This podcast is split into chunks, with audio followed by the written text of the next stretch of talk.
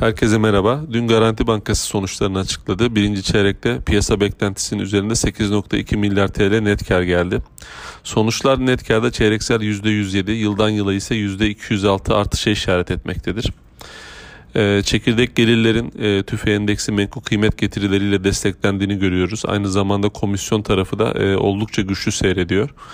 E, kredi mevduat makasında ise e, çeyreksel bazda 64 bas puanlık bir daralma gözlemliyoruz. E, burada da ana etki olarak baktığımızda e, mevduat maliyetlerin e, nispeten e, yüksek kaldığını görmekteyiz. E, sermaye getirisi olarak e, ise e, %37.2'ye yükseldi bankanın sermaye getirisi birinci çeyrekte ki son çeyrekte geçen senenin son çeyreğinde %21 civarındaydı. Oldukça e, güçlü bir e, yükseliş burada kaydedildi. Ee, biz e, Garanti Bankası'nı beğenmeye devam ediyoruz. Endeks üzerinde getiri e, tavsiyemizi korumaktayız bu sonuçlar ışığında.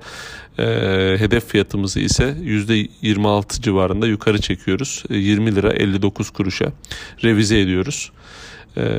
2022 için ise öz kaynak karlılığı olarak %28.5'i tahmin ediyoruz ve değerlemesinin cazip olduğunu düşünmekteyiz.